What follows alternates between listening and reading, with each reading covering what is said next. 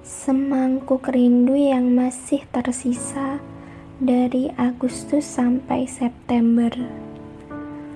Aku hanyalah manusia biasa yang merindukan makhluk yang sempurna. Yang pernah hadir mengisi relung hatiku di sela-sela hidupku. Aku hanya ingin rindu ini tak pernah ada Kenangan ini hilang tanpa bekas.